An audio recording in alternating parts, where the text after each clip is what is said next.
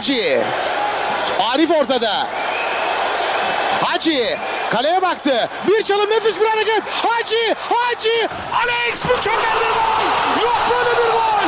Yok böyle bir gol. Muhteşem, muhteşem süper bir gol.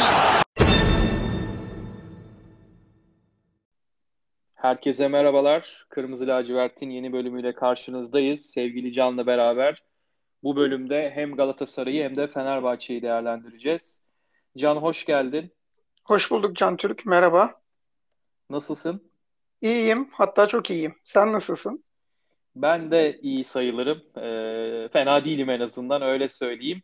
E, bugün hem Galatasaray'ın maçı vardı hem Fenerbahçe'nin maçı vardı. Galatasaray'la başlayalım. E, Galatasaray 3-0 gibi net bir skorla kazandı. Başakşehir'i mağlup etti.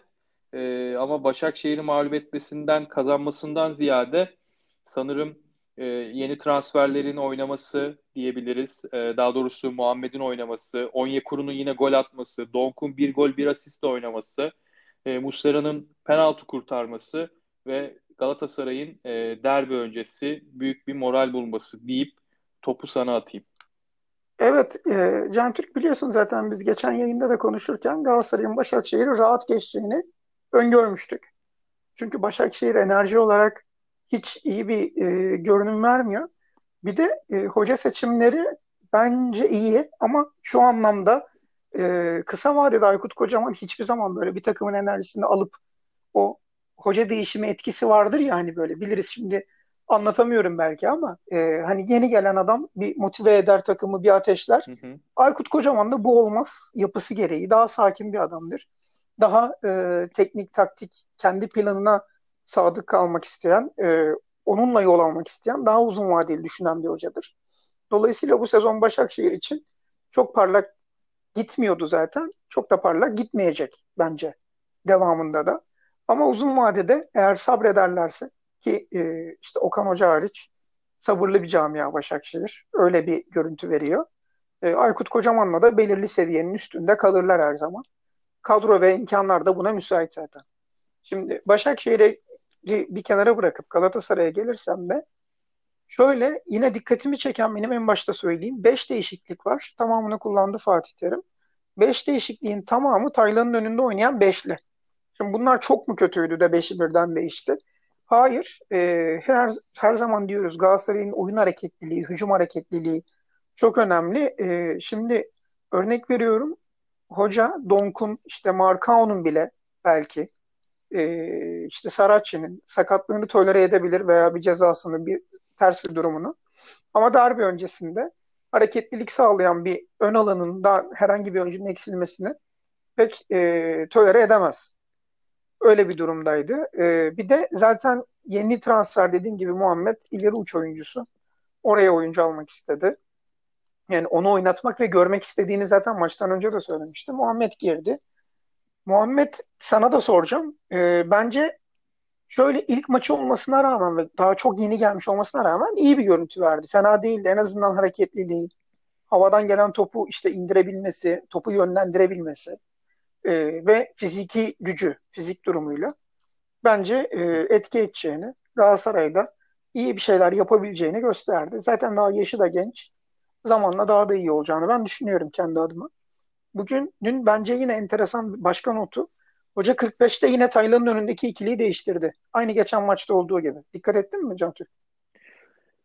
Evet evet e, değiştirdi. Hatta ikinci yarı ya e, yeni oyuncularla başladı. Evet direkt 45'te değiştirdi. 1-0 önde girdiği e, devre arasında 1-0 önde girdiği maçlarda Fatih Hoca'nın sanırım geldiğinden beri hiç değişikliği yoktu. Şimdi gerçekten bu enteresan bir istatistik olabilir. Maçtan ben, sonra şey, kayıttan ben sonra bakacağım. derbiyle derbiyle e, alakalı düşünüyorum bu değişiklikleri. Yani hem e, ilk yarı ilk 11'de başlayan oyuncuları dinlendirmek hem de e, kenardaki oyuncuları oynatıp onları ısındırmak.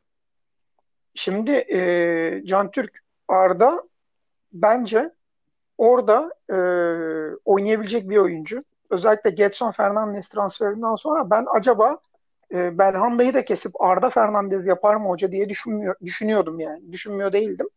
Ama bugünkü görüntüsü, oradaki görüntüsü hiç iç açıcı değildi bence. Etebo da Taylan'la beraber oynadığında birbirlerinin en azından Etebo Taylan'ın alanına e, alanını hep taciz eden bir oyun yapısı var. Taylan'ı da bozan bir oyun yapısı var Etebo'nun. Ki hoca o bölgede oynayan oyuncudan pek Taylan'ın alanına girmesini falan istemiyor yani. Pek hoşlanacağı bir şey değil. 45'te onu da değiştirdi. Bence o orta ikilinin değişmesinin e, nedeni kötü oyunlarıydı. Yani ben öyle düşünüyorum. Sadece derbiye yormuyorum.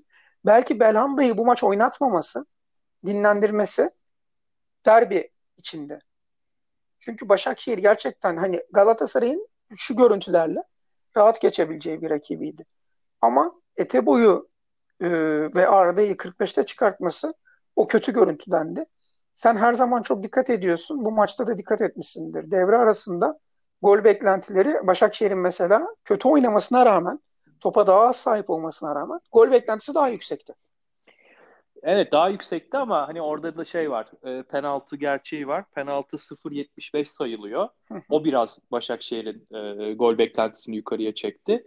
E, Galatasaray'ın da 0.25 mi 0.30 mu o e, civarda bir şeydi ama zaten Galatasaray'ın attığı gol biraz çok kullandık bu kelimeyi, e, bu e, ifadeyi son haftalarda ama yani şapkadan tavşan çıkarma gibi oldu. Orada o Donk'un kestiği top inanılmaz iyi bir yere kesiyor. Tabii Ömer Ali Şahiner'in de bir şeyi var. Kademe hatası var.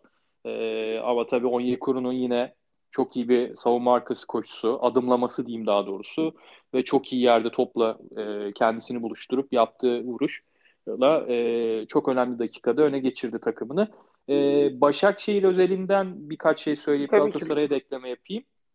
E, bir kere hani penaltı kişisel olarak söyleyeyim. Hani orada çok da konuşmaya gerek yok ama bence hiç penaltı ile alakası yok. Yani saçma sapan bir pozisyon. Onda niye VAR'a çağırdı?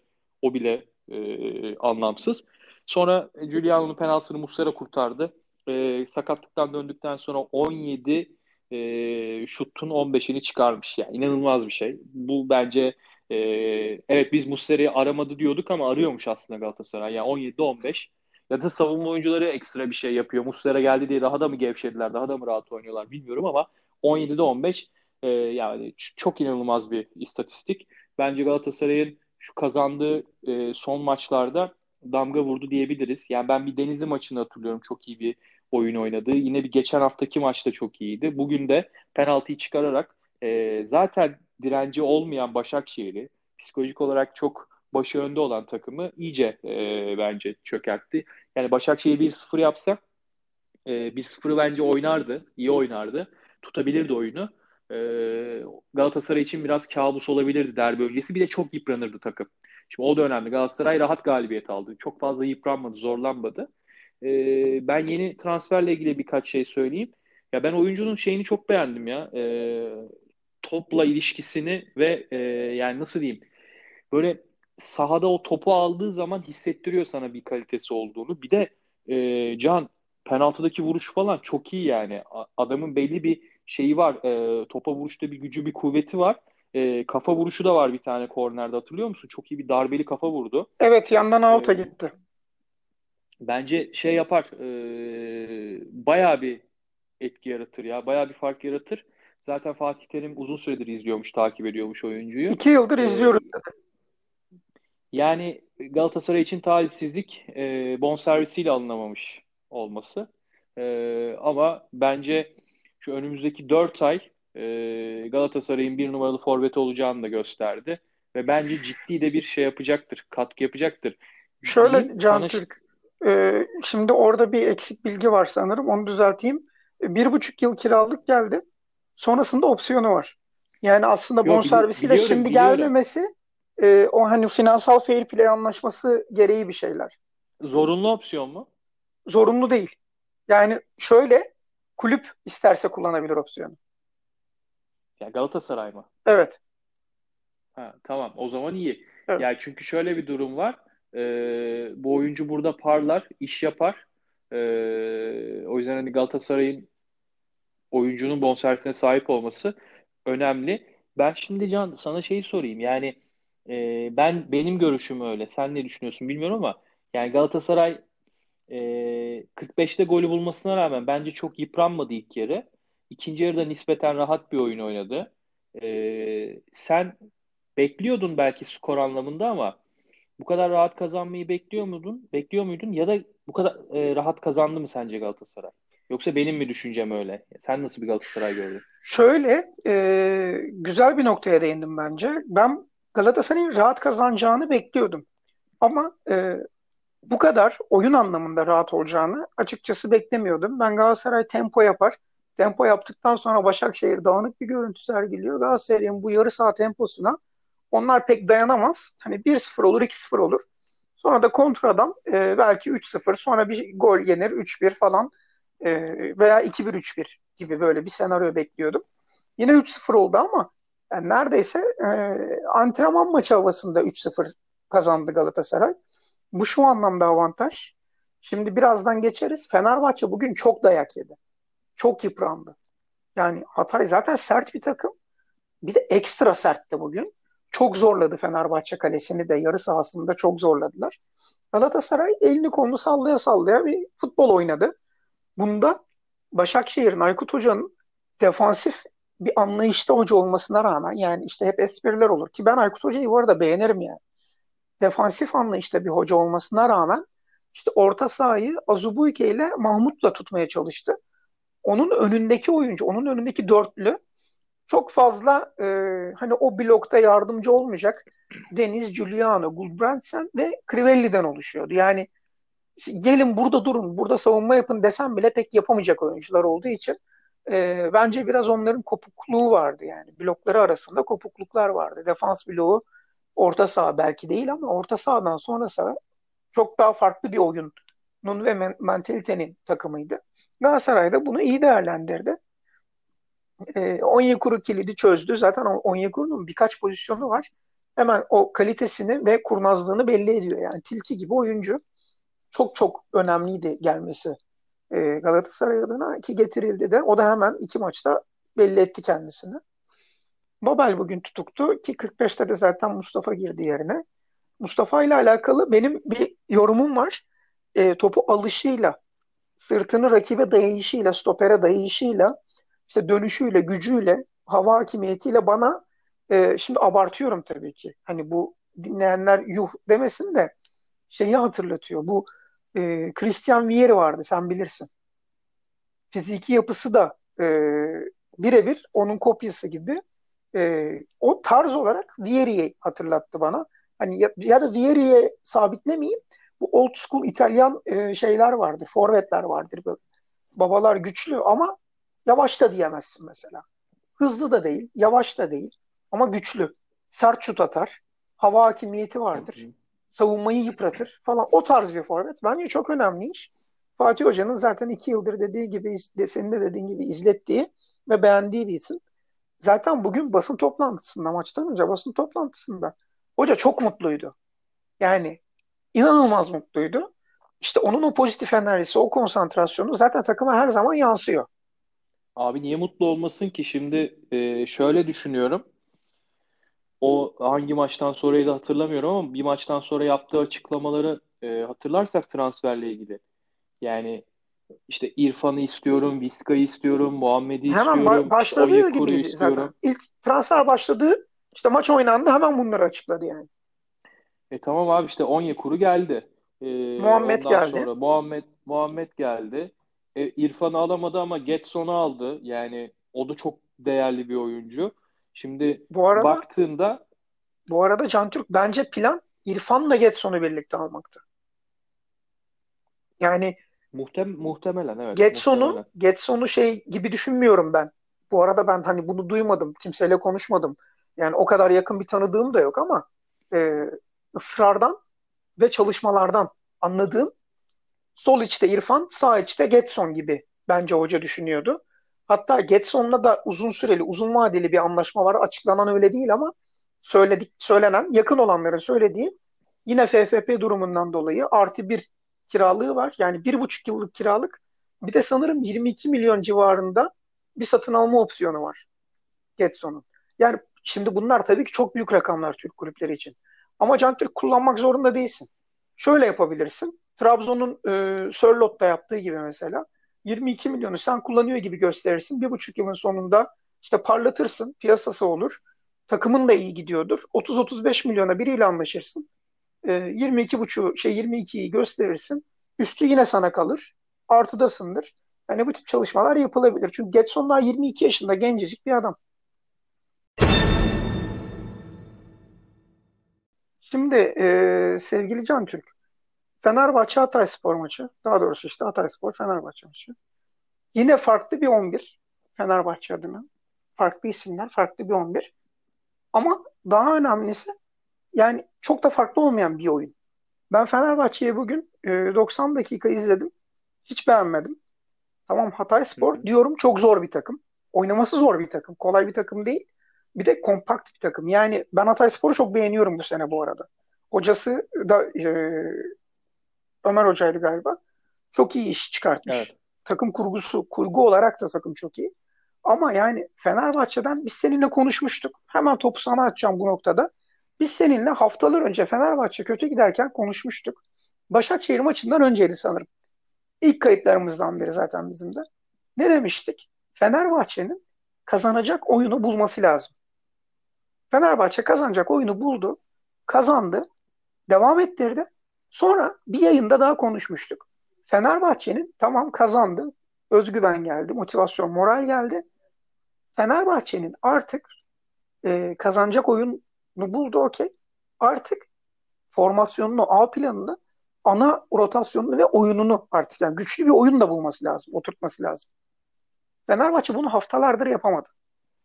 Yani ben Fenerbahçe'nin oyun planının e, Hatay Spor'a karşı işte yüzde otuz beş, yüzde otuz, yüzde otuz beş topa sahip olma bak. Önde olsa bile topa sahip olmasının yüzde otuzlarda falan olduğu bir ana planı ben kabul etmiyorum. Şahsen kendi adıma.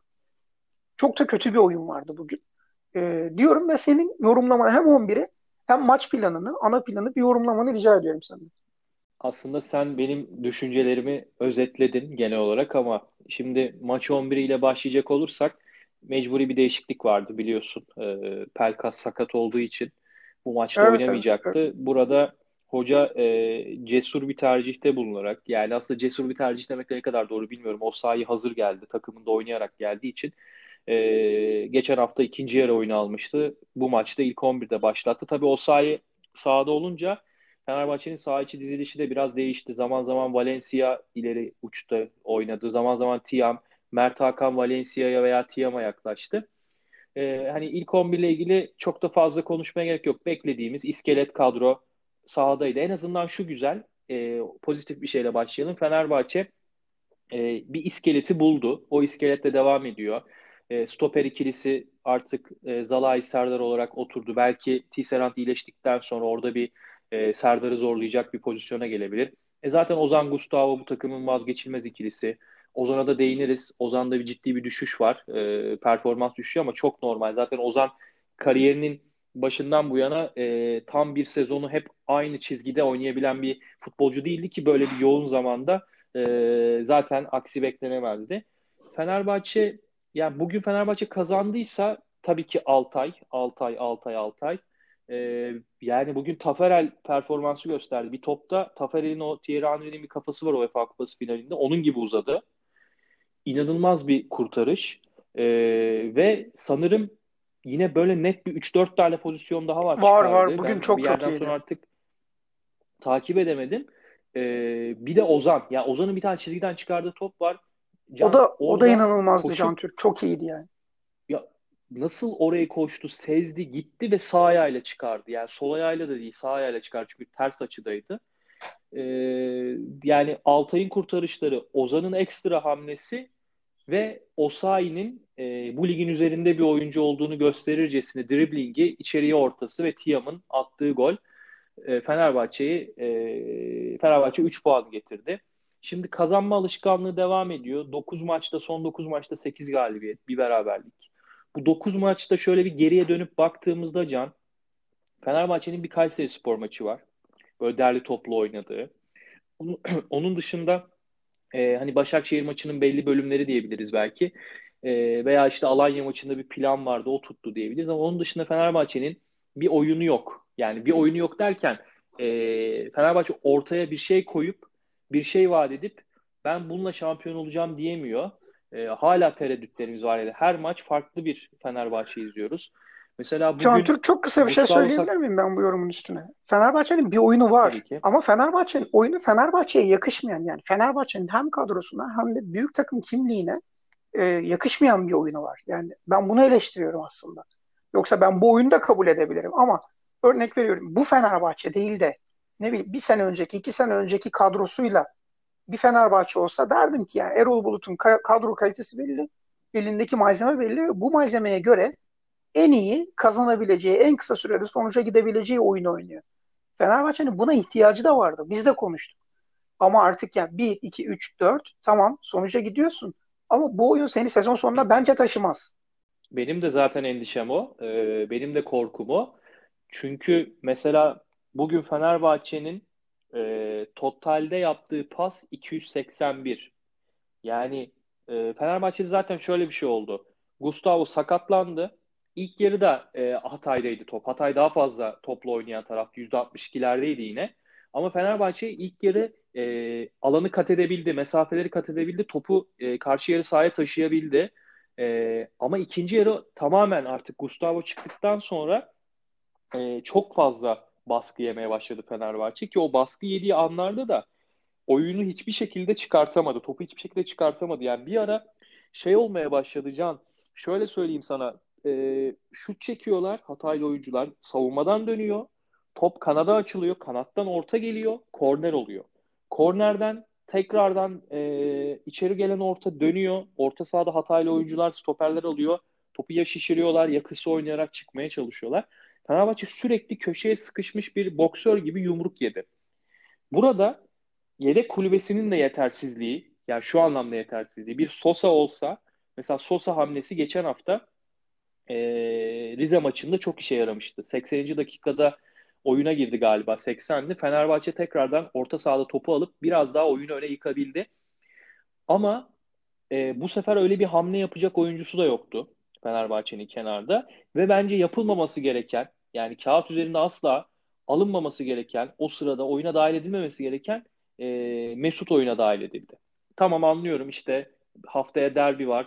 Derbi öncesi e, adamı görmek istiyor taraftarda. Hoca da sahada takıma uyum sağlasın, bir maça çıksın, o havayı tatsın ama maç 1-0. Rakip %60-%65 topla oynuyor. Fenerbahçe'nin o dakikaya kadar 150-160 pası yani var yok. E, ve sen hiçbir şekilde sana topu tutamayacak, topu gelip alıp e, stoperlerinden ileri taşıyamayacak, e, ileride stoperlerle, rakip stoperlerle kavga edemeyecek, savaşamayacak, mücadele edemeyecek bir oyuncuyu oyuna alıyorsun ve takımı iyice güçten düşürüyorsun. Ya yani bu da bence e, olmaması gereken bir değişiklikti. Orada hocanın bu değişikliğini anlamakla beraber e, çok riskli buluyorum. Yani Fenerbahçe o son işte 20 dakika diyelim uzatma bölümleriyle beraber 15-16 dakika diyelim. Herhalde e, bir, yine bir ara bir maçta daha söylemiştim bunu ama e, yani bizim tansiyonlarımızı yükseltti yani.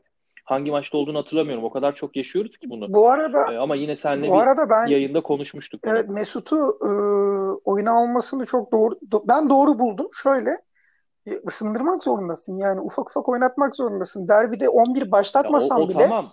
ne zaman sana lazım olacağı belli değil. Yani belki 2-0 öne geçeceksin. Mesut'u sahaya bir açacaksın. E, işte 6 Kasım gibi olacak.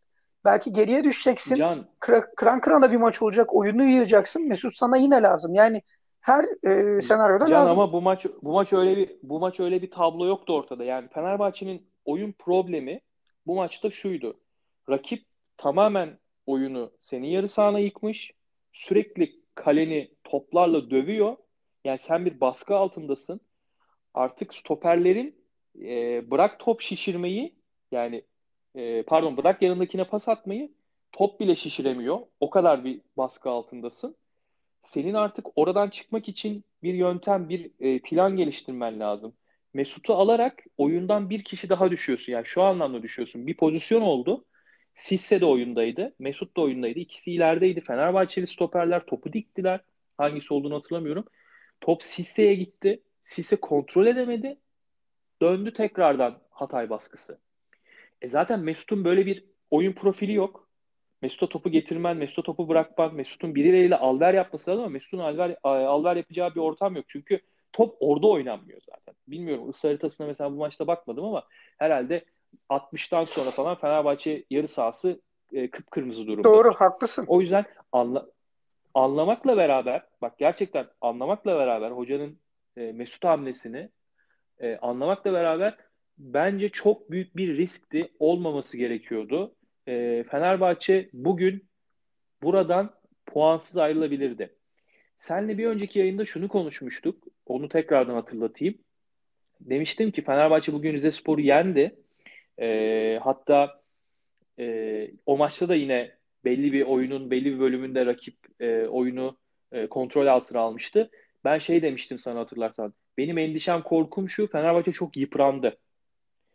E, bugün de biraz kötü oynamasını, takımın bu kadar yaslanmasını, beklemesini, çıkmaya hamle yapamamasını. Bir de Gustavo çıkınca e, zaten Ozan formsuz ve bunu da başaramıyor. Yani gelip top alıp topu e, birinci bölgeden ikinci bölgeye taşımayı çok yapamıyor. Onun pek oyun profilinde yok o evet. Onun repertuarında yok, bu yok. Oyun profilinde ya bugün ne düşündüm biliyor musun Can bir ara? Ee, şöyle kulübede keşke Tolga Ciğerci olsa dedim.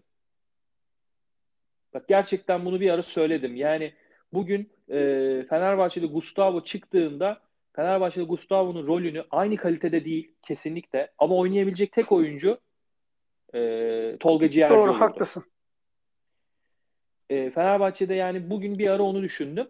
Şimdi hocayı eleştiriyoruz. Oyun planı, sen oyun planı olduğunu söylüyorsun ama hani bu ben bunu bir oyun planı olarak kabul etmiyorum. Ee, ama Fenerbahçe'nin ciddi anlamda fiziksel olarak da yıprandığını gördüm. Rize maçının yansıması vardı bence. Ama ne konuşmuştuk hatırlıyor musun? Ben Hatay maçından bir puan alırsak çok çok büyük bir hazine olarak görürüm demiştim Hatay deplasmanından.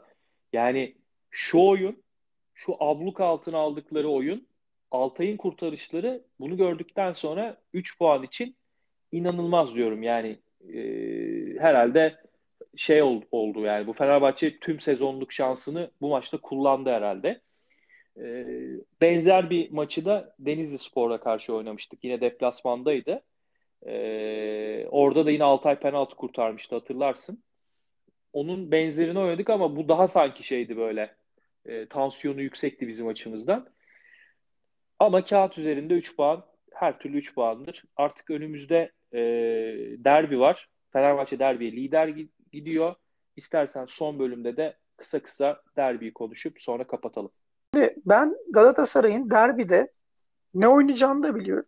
Nasıl çıkacağını da biliyorum. Yani benim tahminimi ne değiştirir? Belki işte hoca Fernandez'i daha erken yani şöyle daha erken dediğim ilk 11 başlatır belki. Ki büyük sürpriz olur. Kimi? Getson'u. Mesela ben Galatasaray'ın şöyle çıkacağını biliyorum. Karede Muslera, sağda Yedlin ki şimdi bugün de söylemiş maçtan sonra bugün oynatacaktım onu diye.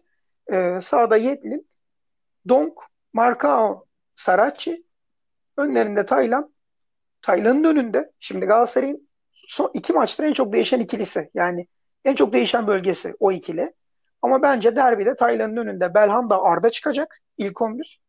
Solda Onyekuru, e, sağda Feguli, ileri uçta da Muhammed çıkar. Belki Muhammed yerine Babel başlar. Muhammed sonradan girer. Ben Galatasaray'ın böyle çıkacağını biliyorum. Sen bana Fenerbahçe'nin kadrosunu ilk 11'ini net bir şekilde bir maksimum iki yanılma payıyla sayabilir misin? Aslında sayarım. Yani son dört maçtır galiba. E, ufak tefek zorunlu değişiklikler olmadığı sürece Fenerbahçe aynı standart 11 ile çıkıyor. Altay, Caner, Zalai, Serdar, Nazım, e, Ozan, Gustavo, Pelkas, Tiam, e, Valencia, e, bir kişiyi eksik saydım galiba ama ama şu anda Pelkas sakat oynamayacak zaten derbide. Muhtemelen hoca yine Osayi ile başlayabilir. Osayi tercihinde bulunabilir. E, Gustavo'nun durumu belirsiz biliyorsun. İşte o yüzden de diyorum biraz. Mesela e, Taylan oynamazsa orada Donk oynayacak ben biliyorum. Mesela yani örnek veriyorum. Arda oynamazsa bir ihtimal fiziki durumuna göre Getson oynayacak. Belki işte Feguli Belhanda yapacak. Anlatabiliyor muyum? Yani e, duruma göre bunları Galatasaray bu opsiyonları var. Ama Gustavo'nun yerine mesela Fenerbahçe'de kim oynayacak? Ben sana söyleyeyim eğer öyle bir şey olursa yani söylemek çok şey değil bu. Yani söylemek bile zor aslında ama e, Ozan Sos, Sosa e, Mert Hakan'la başlar. Yani bence ciddi sıkıntı yaşar. Ciddi sıkıntı yaşar ama e, orta saha rotasyonu yani şey işte kiralık olarak gitmeseydi ben o çocuğu beğeniyordum ama İsmail e, onu da kiralık olarak gönderdik. Gerçi onda Fenerbahçe'de maç Yok, şeyi evet, yok, evet. temposu yoktu ama e, ya Ben bilmiyorum eğer hani Gustavo sakat olursa oynayamazsa şu an durumu daha açıklanmadı değil mi? Ben kaçırdıysam ya da bilmiyorum. Ya, ya açıklanmadı ama Rıdvan Dilmen şey demiş. e, ben Emre Belözoğlu ile konuştum bir problem yok demiş. O yüzden ben oynayamayacağını düşünüyorum. Yani. Yani bilmiyorum. Yo cidden cidden. Bunu şu yüzden söylüyorum. Şey yapmış olabilir. Hani taktik yapmış Olabilir. Çok yani. doğal. Bunlar Çıkıp kullanılan şeyler. Şimdi e, yapmış şeyi olabilir. Gustavo olmazsa peki şey çıksa Lemos veya Sadık Gustavo pozisyonda çıksa şaşırır mısın? Abi düşündüm onu. Ee, yani Sadık olabilir ya. Lemos olmaz. Lemos çok yumuşak kalır oraya. Yani ben de Sadık Sadık Ama olabilir Sa- diye düşünüyorum. Sadık'ın da Sadık'ın da şöyle bir defosu olabilir. Ee, yani Sadık pozisyon bilgisi çok kısıtlı bir oyuncu gerçekten. Çok iyi niyetli. Ama yani pozisyon bilgisi çok kısıtlı bir oyuncu. Ee, ya şöyle söyleyeyim sana, ayağını nereye basacağını bilmiyor bazı pozisyonlarda. Ee, yani orada şeyi düşünüyorum şimdi. Fenerbahçe'nin en büyük problemi neydi? Ee, stoperlerle e, birinci bölgeyle ikinci bölge arası bağlantı kurulması olur. E, Gustavo Evet. olmazsa. Sadık şimdi- bunu asla yapamaz. Yani Sadık yani o yüzden şey şöyle bir şey olabilir. Belki biraz farklı bir formasyona gidebilir. Yani e, üçlü başlayıp e, yani Sadık, Zalai, Serdar başlayıp e, oraya işte Sosa, Ozan e, ikilisini koyup öne yani bir tampon yapıp e, Sosa ile Ozan'ın arkasına Sadık'ı öyle başlayabilir. Yani önden bir oyuncudan işte feragat edebilir. Mert Hakan'dan feragat edip Osayi'nin yaratıcılığına bırakabilir tamamen ön tarafı. Biraz hareketli. Sonra oyunun gidişatına göre bir Mesut hamlesi yapabilir. Ee, yani biraz zor eğer Gustavo olmazsa. Hocanın orada kadro tercihi.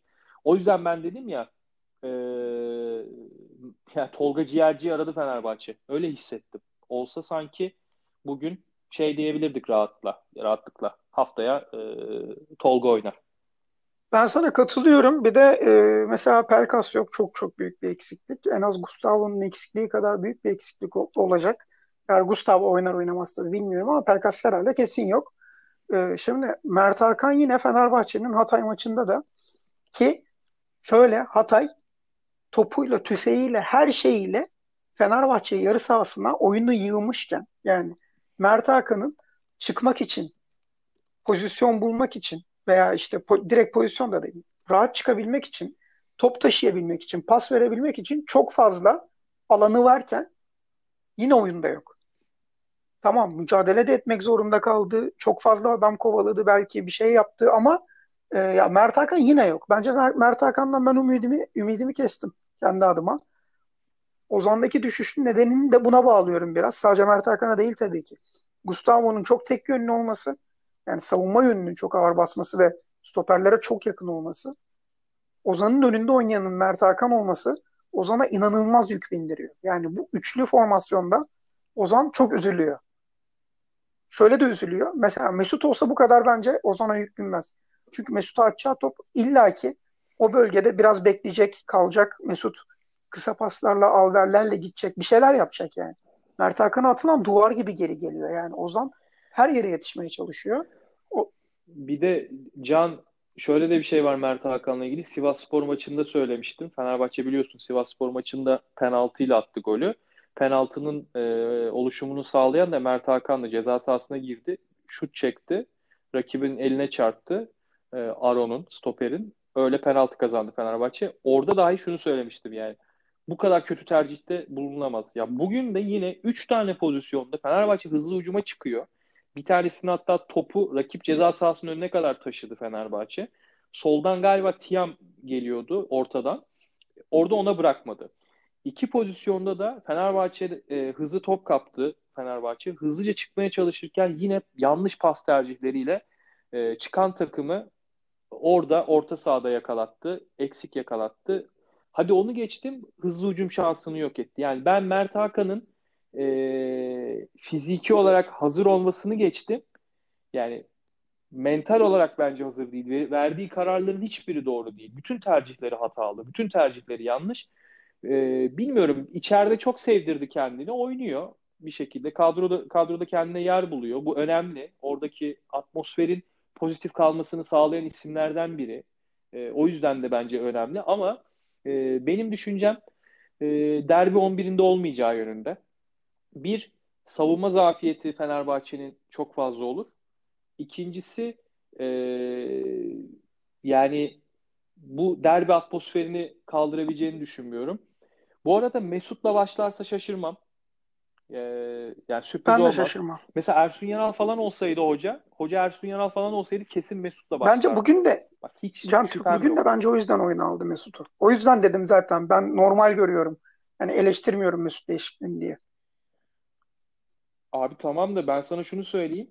Gustavo ile oynamazsan yani çok zor ya. Ee, Mesut, Osayi, Tiam yani ön taraf Ya e, ark ya kim aynen top, topu arkası taşıyacak, kim topu diyorsun. geçecek. Sosa'nın abi Sosa'nın hem arkası kaldırmaz hem de yani Sosa'nın çok iyi oynaması lazım. Sosa'nın e, Trabzonspor günleri de değil yani biraz Beşiktaş günlerindeki gibi falan oynaması lazım. Çok zorlanır Fenerbahçe orta sahası. Çok yıpranır. Bir de yani şimdi Getson, Metson diyorsun. Getson oynarsa Taylan, Getson, e, Arda, Emre Kılınç yani Galatasaray'ın hem orta sahası hem ileri hattı yıpratıcı, çok hareketli. Bilmiyorum Can yani güzel bir hafta sonu olacak. Ben Galatasaray, Fenerbahçe, Fenerbahçe, Galatasaray maçlarını çok seviyorum ama bu sene daha da artık sevinçliyim, mutluyum.